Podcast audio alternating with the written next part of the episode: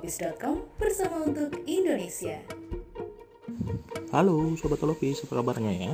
Balik lagi nih sama saya Ronald Steven di dalam program rutin kita nih Seperti biasanya ada Cabi atau baca berita di holopis.com Di edisi kali ini saya juga bersama dengan rekan saya nantinya akan membacakan beberapa berita yang seperti biasa Sudah kita posting di website kami dan inilah uh, rekaman ataupun juga berita-berita yang kami bacakan khusus untuk Anda para sobat holopis. Langsung aja kita ke berita hiburan dahulu nih ya. Di berita yang sudah kita publish di mana ini tentang salah satu public figure. Anda tentu tahu dong tentang film AADC ya. Eh sorry kok AADC, I Fall in Love. salah satu pemerannya Sandi Aulia nih. Ini curhat di Instagram, isu rumah tangga retak semakin kencang Aktris Sandi Aulia saat ini menjadi sorotan publik akibat isu keretakan rumah tangganya. Beberapa waktu lalu, eh, Sandi mengunggah curhatan panjang ke akun Instagram. Isinya sih seperti ini. Hai jiwaku, dua bulan terakhir ini kamu sering dibuat lebih berpikir terlalu keras. Semua rasa terjadi dalam dua bulan ini hingga akhirnya memilih untuk hening dan tersadar dalam harapan kebodohanku sendiri. Tulis Sandi ya. Dalam postingannya, Sandi juga mengatakan bahwa ia bisa membuat cerita di awal dan akhir manis, namun ia tidak bisa memutuskan sendiri. Segera pulih jiwaku, pikiranku, dan hatiku. Jika sudah pulih, jangan lagi kembali diingat ya. Lanjut Sandi. Dan nah, mudah-mudahan ini ya cepat rujuk dan memilih jalan yang terbaik tentunya. Bentuk berita selengkapnya mengenai tadi Anda bisa saksikan di website kita seperti biasa ya di holopis.com. Lanjut kita ke berita berikutnya. Ini mengenai polling kinerja Gubernur DKI Jakarta Anies Baswedan dianggap selama 4 tahun masih buruk. Dari uh, Info Jakarta hari ini menggelar polling di akun Twitter mereka di mana polling ini dibuat untuk mencoba merekam jejak pendapat netizen terhadap 4 tahun pemerintahan Anies Baswedan sebagai Gubernur DKI. Minggu ini tepat 4 tahun Pak Anies Baswedan menjabat Gubernur DKI. Bagaimana penilaian Anda terhadap kinerjanya sebagai Gubernur DKI Jakarta? Tulis info Jakarta. Di dalam polling tersebut terdapat tiga opsi jawaban yang ini baik, biasa saja, dan buruk. Polling yang dirilis pukul 10.44 tersebut kini sudah diisi oleh ataupun juga kemarin sudah diisi 5.310 netizen dan dari pukul 17.03 mayoritas netizen memberikan jawaban buruk terhadap eh, kinerja 4 tahun Anies. Jawaban netizen selama 17 jam 39 menit hasilnya adalah baik 6%, biasa satu biasa saja 7% dan buruk 87%. Mudah-mudahan dengan hasil polling ini menjadi pembelajaran bagi Gubernur DKI Jakarta untuk melakukan evaluasi tentunya ya. Untuk berita selengkapnya mengenai tadi, Anda bisa saksikan di website kami di www.holopis.com. Lanjut kita ke berita hiburan kembali nih. E, sebenarnya nyampur sih ya Akhirnya ngaku kabur dari karantina, Rahel V-nya. Aku salah. Selebgram Rahel V-nya akhirnya memberikan pengakuan terkait kabur dari karantina dan Rahel V-nya juga mengatakan jika dirinya memang benar-benar kabur dari karantina. Betul aku pulang dari Amerika dan tidak menjalani karantina seperti yang seharusnya pemerintah hancurkan, kata Rahel V-nya. Ini justru di channel YouTube YouTuber ya. Dalam kanal YouTube tersebut, Rahel V-nya memberikan pengakuan jika apa yang ada salah dan tidak bisa dibenarkan sama sekali perlakuan aku ini salah dan tidak ada pembenaran sama sekali. Alasan aku juga tidak dibenarkan sama sekali. Alasan aku juga nggak bisa diterima. Tapi memang alasan aku pengen ketemu sama anak-anak tapi itu bukan alasan yang dekat wow. Mudah-mudahan ini tidak menjadi contoh lagi bagi uh, lainnya ya. Dan semoga bisa tetap mengikuti anjuran pemerintah dan memenuhi protokol kesehatan. Demikian tadi berita-berita yang sudah kita sajikan dan selengkapnya untuk berita-berita tersebut Anda bisa saksikan di website kita di www.holopis.com dan saya Rona Steven sementara pamit undur diri. Sampai jumpa dan salam sehat selalu ya. Holopis.com bersama untuk Indonesia. Halo apa kabar Sobat Holopis? Masih bersama saya Fiska Dwi Astuti yang akan membacakan rangkuman berita dari holopis.com Indonesia dipastikan menjadi juara Thomas Cup dan meraih medali emas usai mengalahkan Cina di partai final yang digelar di Ceres Arena, Arus, Denmark, Minggu 17 Oktober malam. Lagu kebangsaan Indonesia Raya pun berkumandang. Namun bendera merah putih tak bisa berkibar saat Indonesia merayakan juara di podium Thomas Cup 2020 atau Thomas Cup 2021. Indonesia dilarang menggunakan bendera merah putih terkait hukuman dari agen anti doping dunia atau WADA akibat Indonesia tak patuh dalam program uji tes doping. Pelarangan pengibaran bendera negara merupakan salah satu sanksi karena mengabaikan program dari WADA tersebut. Sebelumnya, Indonesia berhasil meraih kemenangan kedua melalui ganda putra Fajar Alfian dan Muhammad Rian Ardianto. Fajar Rian sukses menaklukkan pasangan Cina dengan dua game langsung 21-12 dan 21-19. Kontingen Indonesia akhirnya berhasil memastikan kemenangan 3-0 atas Cina dan memenangkan Thomas Cup 2020 atau Thomas Cup 2021 lewat keberhasilan Jonathan Christie mengalahkan Li Sifeng dengan skor 21-14, 18-21, 21-14. Ini menjadi kemenangan pertama Indonesia sejak Thomas Cup 2002 dan menjadi kemenangan ke-14 bagi tim Merah Putih di Thomas Cup. Berita selanjutnya, Presiden Joko Widodo menyambut gembira keberhasilan tim bulu tangkis Indonesia yang meraih juara Piala Thomas setelah penantian panjang selama 19 tahun. Tim bulu tangkis Indonesia berhasil meraih juara setelah mengalahkan tim dari Cina dengan skor 3-0 dalam laga final Piala Thomas di Ceres Arena Arus Denmark minggu malam. Presiden Jokowi menyampaikan selamat kepada seluruh tim bulu tangkis Indonesia yang telah berjuang mengharumkan nama bangsa. Berita selanjutnya, Pangeran William dan istrinya Kate Middleton Duchess of Cambridge hadir untuk pertama kalinya dalam acara penghargaan Earthshot Prize. Earthshot Prize adalah sebuah penghargaan yang diciptakan untuk Pangeran William yang akan diberikan kepada mereka yang telah berusaha untuk menyelamatkan bumi. Pangeran William tampil gagah dengan jas bluder berwarna gelap kehijauan yang seolah merepresentasikan hijau lingkungan, sementara Duchess Catherine tampil sangat anggun dengan rambut terurai ciri khasnya. Selebritas ternama beserta aktivis pun turut hadir di acara penghargaan yang diselenggarakan di Istana Alexandra London Utara. Emma Watson, Emma Thompson, dan David Oyelowo bersama Kate Middleton memberikan penghargaan kepada lima pemikir global yang masing-masing diberi hadiah sebesar 1 juta euro atau sekitar 19 miliar rupiah. Berita selanjutnya, Sidang pembacaan dakwaan kasus dugaan unlawful killing yang dilakukan oleh anggota reserse mobil atau Resmob Polda Metro Jaya di KM 50 Tol Jakarta Cikampek pada akhir tahun lalu digelar perdana di Pengadilan Negeri Jakarta Selatan atau PN Jaksel.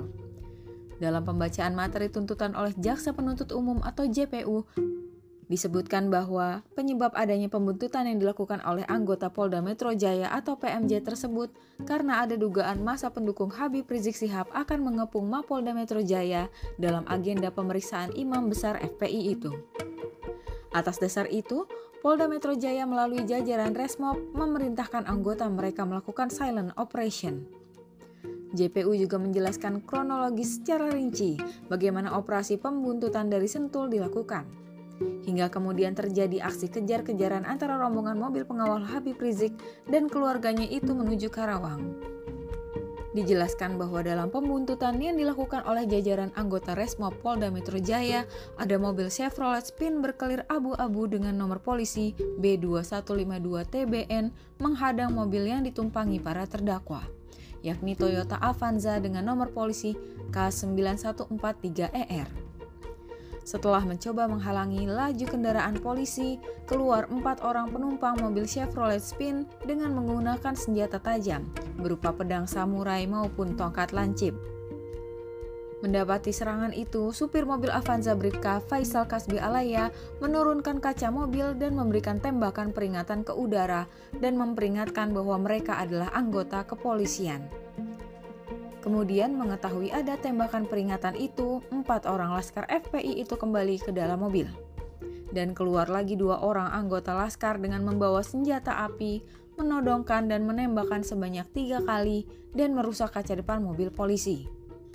Mendapat ancaman semacam itu, anggota Resma lalu melakukan upaya pelumpuhan kepada dua orang anggota Laskar FPI yang diketahui bernama Faiz Ahmad Syukur dan Andi Oktiawan. Upaya pelumpuhan yang belum sukses membuat anggota Resmo PMJ tersebut langsung memacu kendaraannya untuk mengejar mobil Chevrolet Spin tersebut. Selanjutnya terjadilah kejar-kejaran yang melewati bundaran Badami Jalan Internasional atau Jalan Interchange Kabupaten Karawang. Di sana terjadi aksi serempetan antara kendaraan FPI dan polisi. Tak mau menghentikan kendaraannya, justru anggota Laskar FPI kembali menodongkan senjata api ke arah polisi. Melihat ada ancaman semacam itu, polisi langsung menembak ke arah Laskar FPI dan ban mobil hingga kempes. Sayangnya para Laskar FPI tak mau berhenti dan terus memacu kendaraannya untuk kabur. Situasi itulah yang akhirnya berujung pada meninggalnya dua orang pengawal Habib Rizik di mobil Chevrolet Spin, kemudian empat orang lainnya tewas setelah mencoba melakukan perlawanan dengan menyerang aparat dan merebut senjata api saat akan dibawa ke Polda Metro Jaya. Walaupun begitu, mereka juga menyebut bahwa terdakwa dalam kasus dugaan unlawful killing ini tetap melanggar pidana, di mana ada tindakan di luar standar operasional prosedur. Saat ini terdakwa atas nama Bribtu Fikri Ramdhani dijerat dengan pelanggaran pasal 351 ayat 3 KUHP Jangto pasal 55 ayat 1 KUHP. Demikian rangkuman berita hari ini. Saya Fiska Dwi Astuti melaporkan untuk holopis.com bersama untuk Indonesia. Holopis.com bersama untuk Indonesia.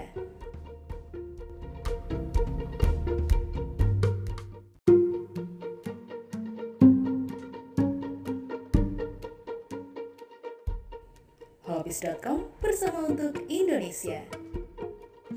Halo Sobat Holopis, apa kabarnya ya? Balik lagi nih sama saya Ronald Steven di dalam program rutin kita nih Seperti biasanya ada Cabi atau baca berita di holopis.com Di edisi kali ini saya juga bersama dengan rekan saya nantinya akan membacakan beberapa berita yang seperti biasa Sudah kita posting di website kami dan inilah uh, rekaman ataupun juga berita-berita yang kami bacakan khusus untuk Anda para sobat holopis.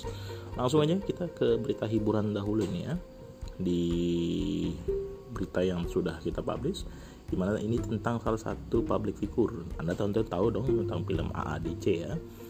Eh sorry kok AADC I Fall in Love Salah satu pemerannya Sandi Aulia nih Ini curhat di Instagram Isu rumah tangga retak semakin kencang Aktris Sandi Aulia saat ini menjadi sorotan publik akibat isu keretakan rumah tangganya. Beberapa waktu lalu, eh, Sandi mengunggah curhatan panjang ke akun Instagram. Isinya sih seperti ini. Hai jiwaku, dua bulan terakhir ini kamu sering dibuat lebih berpikir terlalu keras. Semua rasa terjadi dalam dua bulan ini hingga akhirnya memilih untuk hening dan tersadar dalam harapan kebodohanku sendiri. Tulis Sandi ya. Dalam postingannya, Sandi juga mengatakan bahwa ia bisa membuat cerita di awal dan akhir manis, namun ia tidak bisa memutuskan sendiri. Segera pulih jiwaku, pikiranku, dan hatiku. Jika sudah pulih, jangan lagi kembali diingat ya. Lanjut Sandi. Dan nah, mudah-mudahan ini ya, cepat rujuk dan memilih jalan yang terbaik tentunya. Bentuk berita selengkapnya mengenai tadi Anda bisa saksikan di website kita seperti biasa ya di holopis.com. Lanjut kita ke berita berikutnya. Ini mengenai polling kinerja Gubernur DKI Jakarta Anies Baswedan dianggap selama 4 tahun masih buruk. Dari uh, Info Jakarta hari ini menggelar polling di akun Twitter mereka di mana polling ini dibuat untuk mencoba merekam jejak pendapat netizen terhadap 4 tahun pemerintahan Anies Baswedan sebagai Gubernur DKI. Minggu ini tepat 4 tahun Pak Anies Baswedan menjabat Gubernur DKI. Bagaimana penilaian Anda terhadap kinerjanya sebagai Gubernur DKI Jakarta? Tulis info Jakarta. Di dalam polling tersebut terdapat tiga opsi jawaban yakni baik, biasa saja, dan buruk. Polling yang dirilis pukul 10.44 tersebut kini sudah diisi oleh ataupun juga kemarin sudah diisi 5.310 netizen dan dari pukul 17.03 mayoritas netizen memberikan jawaban buruk terhadap eh, kinerja 4 tahun Anies. Jawaban netizen selama 17 jam 39 menit hasilnya adalah baik 6%, biasa satu biasa saja 7% dan buruk 87%. Mudah-mudahan dengan hasil polling ini menjadi pembelajaran bagi Gubernur DKI Jakarta untuk melakukan evaluasi tentunya ya. Untuk berita selengkapnya mengenai tadi, Anda bisa saksikan di website kami di www.holopis.com. Lanjut kita ke berita hiburan kembali nih. E, sebenarnya nyampur sih ya Akhirnya ngaku kabur dari karantina Rahel V-nya. Aku salah. Selebgram Rahel V-nya akhirnya memberikan pengakuan terkait kabur dari karantina dan Rahel V-nya juga mengatakan jika dirinya memang benar-benar kabur dari karantina. Betul aku pulang dari Amerika dan tidak menjalani karantina seperti yang seharusnya pemerintah hancurkan, kata Rahel V-nya. Ini justru di channel YouTube YouTuber ya. Dalam kanal YouTube tersebut, Rahel V-nya memberikan pengakuan jika apa yang dilakukan ada salah dan tidak bisa dibenarkan sama sekali. Perlakuan aku ini salah dan tidak ada pembenaran sama sekali. Alasan aku juga tidak dibenarkan sama sekali. Alasan aku juga nggak bisa diterima. Tapi memang alasan aku pengen ketemu sama anak-anak, tapi itu bukan alasan yang dekat. Wow mudah-mudahan ini tidak menjadi contoh lagi bagi uh, lainnya ya. Dan semoga bisa tetap mengikuti anjuran pemerintah dan memenuhi protokol kesehatan. Demikian tadi berita-berita yang sudah kita sajikan dan selengkapnya untuk berita-berita tersebut anda bisa saksikan di website kita di www.holopis.com dan saya Rona Steven sementara pamit undur diri. Sampai jumpa dan salam sehat selalu ya. Holopis.com bersama untuk Indonesia Halo apa kabar Sobat Holopis? Masih bersama saya Fiska Dwi Astuti yang akan membacakan rangkuman berita dari holopis.com Indonesia dipastikan menjadi juara Thomas Cup dan meraih medali emas usai mengalahkan Cina di partai final yang digelar di Ceres Arena, Arus, Denmark, Minggu 17 Oktober malam. Lagu kebangsaan Indonesia Raya pun berkumandang. Namun bendera merah putih tak bisa berkibar saat Indonesia merayakan juara di podium Thomas Cup 2020 atau Thomas Cup 2021. Indonesia dilarang menggunakan bendera merah putih terkait hukuman dari agen anti doping dunia atau WADA akibat Indonesia tak patuh dalam program uji tes doping. Pelarangan pengibaran bendera negara merupakan salah satu sanksi karena mengabaikan program dari WADA tersebut. Sebelumnya, Indonesia berhasil meraih kemenangan kedua melalui ganda putra Fajar Alfian dan Muhammad Rian Ardianto. Fajar Rian sukses menaklukkan pasangan Cina dengan dua game langsung 21-12 dan 21-19. Kontingen Indonesia akhirnya berhasil memastikan kemenangan 3-0 atas Cina dan memenangkan Thomas Cup 2020 atau Thomas Cup 2021 lewat keberhasilan Jonathan Christie mengalahkan Li Feng dengan skor 21-14, 18-21, 21-14. Ini menjadi kemenangan pertama Indonesia sejak Thomas Cup 2002 dan menjadi kemenangan ke-14 bagi tim Merah Putih di Thomas Cup. Berita selanjutnya, Presiden Joko Widodo menyambut gembira keberhasilan tim bulu tangkis Indonesia yang meraih juara Piala Thomas setelah penantian panjang selama 19 tahun. Tim bulu tangkis Indonesia berhasil meraih juara setelah mengalahkan tim dari Cina dengan skor 3-0 dalam laga final Piala Thomas di Ceres Arena Arus Denmark minggu malam. Presiden Jokowi menyampaikan selamat kepada seluruh tim bulu tangkis Indonesia yang telah berjuang mengharumkan nama bangsa. Berita selanjutnya, Pangeran William dan istrinya Kate Middleton Duchess of Cambridge hadir untuk pertama kalinya dalam acara penghargaan Earthshot Prize. Earthshot Prize adalah sebuah penghargaan yang diciptakan untuk Pangeran William yang akan diberikan kepada mereka yang telah berusaha untuk menyelamatkan bumi. Pangeran William tampil gagah dengan jas bludur berwarna gelap kehijauan yang seolah merepresentasikan hijau lingkungan, sementara Duchess Catherine tampil sangat anggun dengan rambut terurai ciri khasnya. Selebritas ternama beserta aktivis pun turut hadir di acara penghargaan yang diselenggarakan di Istana Alexandra London Utara. Emma Watson, Emma Thompson, dan David Oyelowo bersama Kate Middleton memberikan penghargaan kepada lima pemikir global yang masing-masing diberi hadiah sebesar 1 juta euro atau sekitar 19 miliar rupiah. Berita selanjutnya, Sidang pembacaan dakwaan kasus dugaan unlawful killing yang dilakukan oleh anggota reserse mobil atau Resmob Polda Metro Jaya di KM 50 Tol Jakarta Cikampek pada akhir tahun lalu digelar perdana di Pengadilan Negeri Jakarta Selatan atau PN Jaksel. Dalam pembacaan materi tuntutan oleh Jaksa Penuntut Umum atau JPU, Disebutkan bahwa penyebab adanya pembuntutan yang dilakukan oleh anggota Polda Metro Jaya atau PMJ tersebut karena ada dugaan masa pendukung Habib Rizik Sihab akan mengepung Mapolda Metro Jaya dalam agenda pemeriksaan imam besar FPI itu. Atas dasar itu, Polda Metro Jaya melalui jajaran Resmob memerintahkan anggota mereka melakukan silent operation. JPU juga menjelaskan kronologis secara rinci bagaimana operasi pembuntutan dari Sentul dilakukan. Hingga kemudian terjadi aksi kejar-kejaran antara rombongan mobil pengawal Habib Rizik dan keluarganya itu menuju Karawang. Dijelaskan bahwa dalam pembuntutan yang dilakukan oleh jajaran anggota Resmo Polda Metro Jaya, ada mobil Chevrolet Spin berkelir abu-abu dengan nomor polisi B2152TBN menghadang mobil yang ditumpangi para terdakwa, yakni Toyota Avanza dengan nomor polisi K9143ER. Setelah mencoba menghalangi laju kendaraan polisi, keluar empat orang penumpang mobil Chevrolet Spin dengan menggunakan senjata tajam, berupa pedang samurai maupun tongkat lancip. Mendapati serangan itu, supir mobil Avanza Bribka Faisal Kasbi Alaya menurunkan kaca mobil dan memberikan tembakan peringatan ke udara dan memperingatkan bahwa mereka adalah anggota kepolisian. Kemudian mengetahui ada tembakan peringatan itu, empat orang laskar FPI itu kembali ke dalam mobil. Dan keluar lagi dua orang anggota laskar dengan membawa senjata api, menodongkan dan menembakkan sebanyak tiga kali dan merusak kaca depan mobil polisi.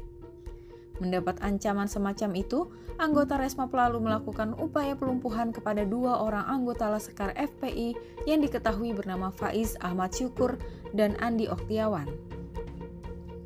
Upaya pelumpuhan yang belum sukses membuat anggota Resmo PMJ tersebut langsung memacu kendaraannya untuk mengejar mobil Chevrolet Spin tersebut.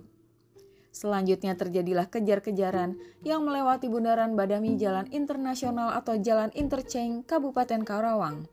Di sana terjadi aksi serempetan antara kendaraan FPI dan polisi. Tak mau menghentikan kendaraannya, justru anggota Laskar FPI kembali menodongkan senjata api ke arah polisi.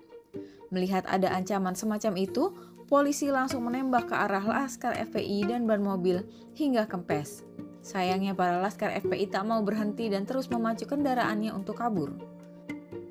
Situasi itulah yang akhirnya berujung pada meninggalnya dua orang pengawal Habib Rizik di mobil Chevrolet Spin, kemudian empat orang lainnya tewas setelah mencoba melakukan perlawanan dengan menyerang aparat dan merebut senjata api saat akan dibawa ke Polda Metro Jaya. Walaupun begitu, mereka juga menyebut bahwa terdakwa dalam kasus dugaan unlawful killing ini tetap melanggar pidana, di mana ada tindakan di luar standar operasional prosedur. Saat ini terdakwa atas nama Bribtu Fikri Ramdhani dijerat dengan pelanggaran pasal 351 ayat 3 KUHP Jangto pasal 55 ayat 1 KUHP. Demikian rangkuman berita hari ini. Saya Fiska Dwi Astuti melaporkan untuk holopis.com bersama untuk Indonesia. Holopis.com bersama untuk Indonesia.